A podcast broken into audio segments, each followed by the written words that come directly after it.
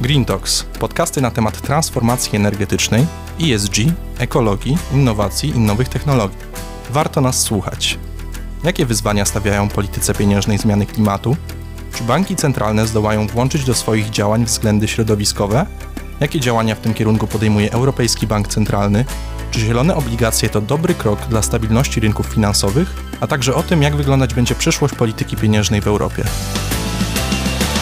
Moim i Państwa dzisiejszym gościem jest profesor Paul de Graue, belgijski ekonomista i ekspert z zakresu ekonomii monetarnej, profesor europejskiej ekonomii politycznej w Instytucie Europejskim na London School of Economics. Profesor de Graue był wcześniej profesorem Uniwersytetu KE Leuven oraz byłym członkiem Parlamentu Królestwa Belgii. Professor, thank you very much for accepting to do this interview. It's an honor to have you here with us today. It's a pleasure. Professor, I wanted to get straight into the topic at hand, which is monetary policy in the era of climate change. Today, we as a society, as economic agents, we collectively face two paradoxical challenges that are born out of the climate change considerations. It's both the change of climate, but it's also the period of transition to a more sustainable economy that in principle is meant to mitigate the effects of the former. And it's becoming increasingly apparent that both might, might have an impact on macroeconomic indicators such as economic output, employment, investment levels, which are already impacted by EU legislation dictating the classifying of sustainable activities and investments, things like the EU green bond standard or the EU taxonomy. So by implication, they might prove to, to be a factor for financial and monetary stability. So having said that, the, my first question would be, are climate change and its mitigation measures likely to have fundamental implications for the design of monetary regimes? Or do you think that the current monetary paradigm is, is equipped to deal with them? Well, um, I don't think monetary policy has a key role to play to fight climate change. I, I, will explain that in a minute. There are certain areas where monetary policy can help, but it's not a key responsibility of monetary policy or central banks. Um, central banks are there to maintain um, price stability and financial stability, right? They cannot solve climate change problems. These have to be tackled by governments and they have to change relative prices, right? Today, it's still uh, true that many activities that use fossil fuel are profitable, very profitable, right? And as long as these activities remain profitable, finance will flow there. And the central bank can set all kinds of standards uh, for whatever. This will not help. The only way to have a policy that leads us to tackle climate change is for the authorities to use instruments like taxation, CO2 tax, tax on um, other emission of substances. This is the key, right? So that it changes prices and, and makes certain activities unprofitable. If coal production remains profitable as it is today, no central bank can do anything about this right? But it's governments that have to tackle this and make sure that coal production becomes unprofitable by imposing large taxes on this. That is my, the key insight. Another area in which the government is key is public investment because during the transition to more sustainable production, great investments will have to be done in infrastructure, energy infrastructure, transmission lines, and what have you. And public investments are key in doing this. So these are the two areas where governments have to act. Um, what is then the role of the central bank? Well, I think the central bank can help in the investment impulse, right? Um, and I've made a proposal whereby the central bank, the European Central Bank, I focused it on the European Central Bank, but it could be done also by other central banks, could do the following. It has now uh, a large stock of government bonds on its balance sheet, right? Several trillion euros, right? Um, it has promised that for a while it will keep this stock of bonds on its balance sheet. In other words, this means that when these bonds come to maturity, it will buy new bonds in the market so as to keep the stock unchanged. Now, what it could do at that moment, it is renewing the bonds, buying new bonds to pay out the old bonds, would be to buy green bonds. Right? Green bonds could be issued, for example, by the European Investment Bank or other uh, investment authorities. There are also national investment banks that could finance green projects and issue bonds that you could call them green bonds. And there the ECB could actually buy these bonds instead of buying government bonds. This would be a way to rechannel money towards um, bonds that green bonds that help in our program of creating a sustainable um, economy. That's where I see that the ECB can play a, an important role and other central banks can play an important role. You've touched upon uh, a number of, of, very important topics. Uh, one, one, thing I wanted to relate to now is is you've, you've touched upon also green bonds in the green bond sector. So indeed, the monetary and financial institutions have an increasing number of these securities on their balance sheets.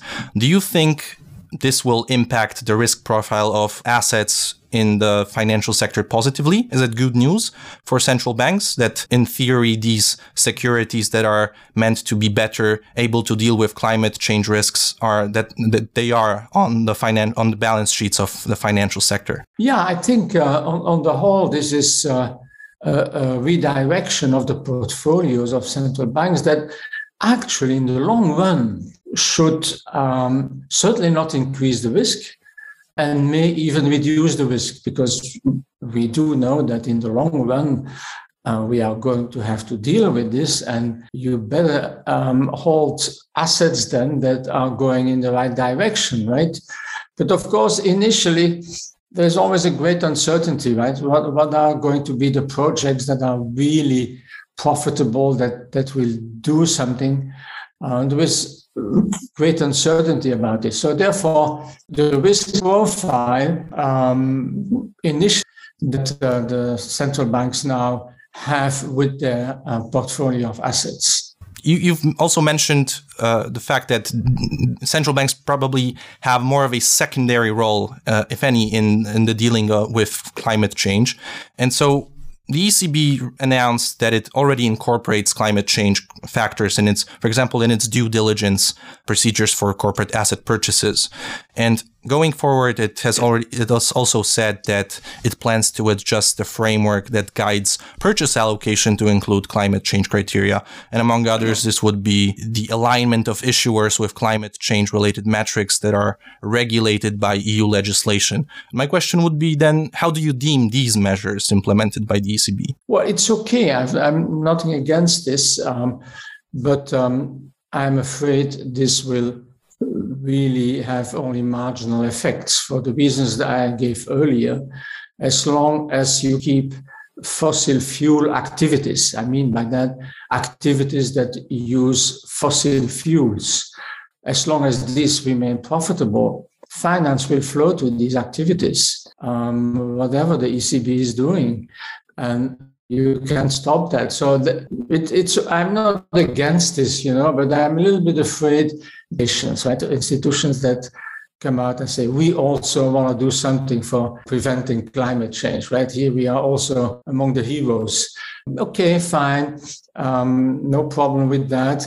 But um, in order to really fundamentally uh, change the direction, you have to make these activities unprofitable. And the ECB cannot make these unprofitable. So, my next question concerns uh, what you've also touched upon, which is which are the the, the this incentivizing the use of fossil fuel based production technologies activity but given the recent rising energy prices, mm, Isabel Schnabel, for example, the member of the executive board of the European Central Bank, said recently that the transition period to the more sustainable economy will, will very much lead to a protracted period of higher energy prices. That's exactly because of, of the rising price of carbon. Uh, but the recent hikes were partly caused by the rally in the emissions trading system, as well as the, the revamping of the energy taxation directive that was uh, done towards the end of last year. So my question would be Do you see these European Green Deal and associated climate policies as perhaps a medium term uh, factor that forms inflationary pressure? Is it fair to, to, to, to characterize this in this way? Yeah, but um, let's put it this way it, it certainly will raise um, inflation as we measure this and that's not a problem, right? I mean, if if if inflation is the result of these relative price changes, right? The fact that we raise certain prices, mm-hmm. um, we can live with that, right? We have to make sure that it does not get out of hand. Um, but that is actually an argument to, to put forward to the ECB and other central bankers that maybe their inflation target is too low. And they now have an inflation target of 2%. If it is true that the necessary energy price increases will lead for a number of years to an inflation rate above 2%, so be it. The central bank should recognize this and should then not try to bring down inflation back to 2%, right? If you say A, you should also say B, right? If you say high energy prices are likely to produce high inflation, then as a central bank, accept this and rethink your inflation target, right? It would be it would not be the right approach to then say, yeah, but if we are at 3%, we have to now bring down the inflation rate to 2%. No, this will be part of the structural transformation, allowing for a higher inflation target for, of say, three or four percent. And we can live with that, right? We have lived with inflation rates of three or four percent during the post-war period for quite a long time without harm to the economy. Wouldn't you say that this risks a form of of de-anchoring of inflation expectations from the target then, uh, and and leading to a to a scenario to a price wage spiral that we saw in the 70s? Do you think that's a that's a real possibility, or do you think that the answer to that would be the rethinking of what the inflation target should be? That's right. It should lead to a rethinking of the inflation target. Uh, I know um, it's often said, well, the 1970s, yeah, we had inflation rates in many countries exceeding 10% at that time, right? Some countries, UK had 15, 16%. Um, so, yeah, this was excessive, right? But I'm saying, okay, why not go to three or 4% instead of 2%, right? And and, and communicate very clearly that this is necessary to allow the transformation to a different type of energy environment, right? Away from fossil fuel. And this necessitates high energy prices. And therefore, we central banks will not fight it. Um, because that's what you say, huh? You say, on the one hand, you say, okay, energy, higher energy prices will lead to higher inflation. And then next sentence is, but wait a minute, if inflation is above 2%, we will fight it.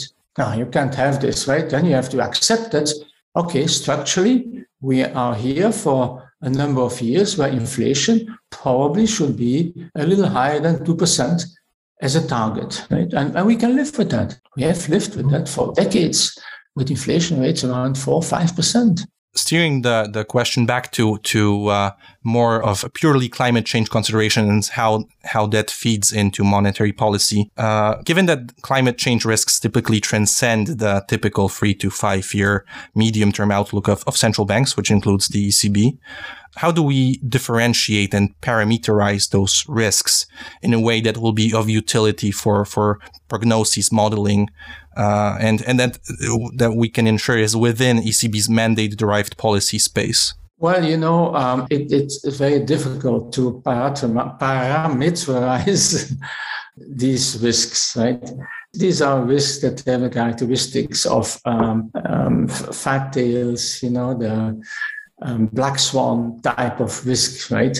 It's very difficult to to quantify that risk. We are used in financial markets to do that, and uh, finance finance theory has made great advance. But essentially, this has been based on assuming that the distribution of risk is, is normal, normal distribution of the risk, right? With uh, you know the theory, yeah? a bell curve and um, plus and one minus stand, uh, one standard deviation around the mean. You have about 66% of the observations there, etc. Right? You know this. And you can give quantitative um, content to, to your uncertainty. You can actually um, quantify the risk. But the risk that we face in climate change is not of that nature. And, and therefore, I'm very skeptical that we can actually quantify this. And what you call parameterize, I interpret it to be can we quantify this risk? And I'm telling you, we cannot quantify that mm-hmm. risk. So, my question with scenarios, we know you can develop all kinds of scenarios, extreme cases, what's going to happen if this and this and this. But even that is extremely uncertain because there is always a scenario that you will not have analyzed, right? Professor, you've mentioned black swans earlier. And I wanted to play off of that and ask you the question uh, how much is the fact of, of mounting prediction errors in extrapolating over the long term a problem for modeling and uh, for monetary policy prognoses? Because you have said it's a it's basically a combinatorial explosion. There's so many factors that we cannot account for that it's simply uh, impossible to map this onto uh, policy. So uh, would you say that uh, we we just uh, sidestep that question and offer the alternative? Why we also have to use a precautionary motive because these really bad things can happen. Let's act now, right? And and as as much as possible. So that it's it's not a call to do nothing, right? On the contrary, it's a call to to take precautions and and and, and maybe uh, on doing too much to fight climate change than doing too little.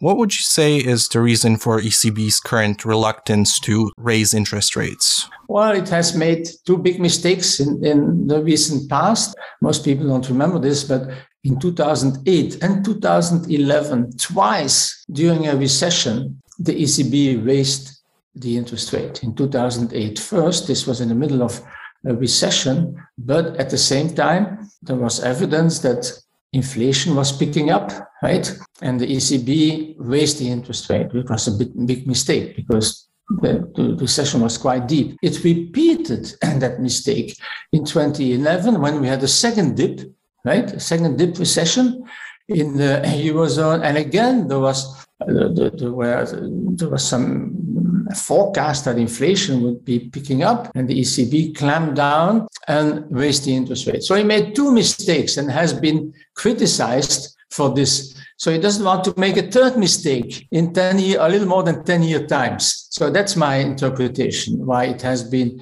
reluctant to, to act. Um, I think it is going to change now. Yeah. What would then be your prognosis as to the state of the Eurozone in the medium term? Are we in a more dire situation than we were back then in the European debt crisis? No, I don't think so. We are in a more dire situation uh, because I mean, when you remember 2010, 2012, this was really an existential crisis, right? There were really questions being asked uh, who, which country is going to leave the Eurozone? And you had uh, journalists actually making predictions, right? Saying it's going to be in December of this year, I'm just saying 2011 or something, right?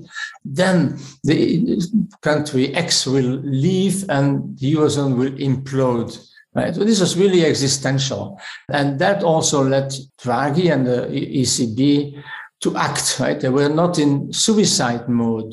Um, and, and that pushed them to action. So I don't think we are anywhere near this kind of crisis. But this being said, there are, there are, certainly risks there also, right? Especially if the interest rates go up. What's going to be the reaction in bond markets of Italy and Greece and, and, and a number of other countries, right? Uh, uh, will there be similar fear and panic as we have seen in, in the period 2010 2012? Um, I hope not. Uh, and the ECB has the tools to prevent this, um, but it must be willing to, to use these tools, right?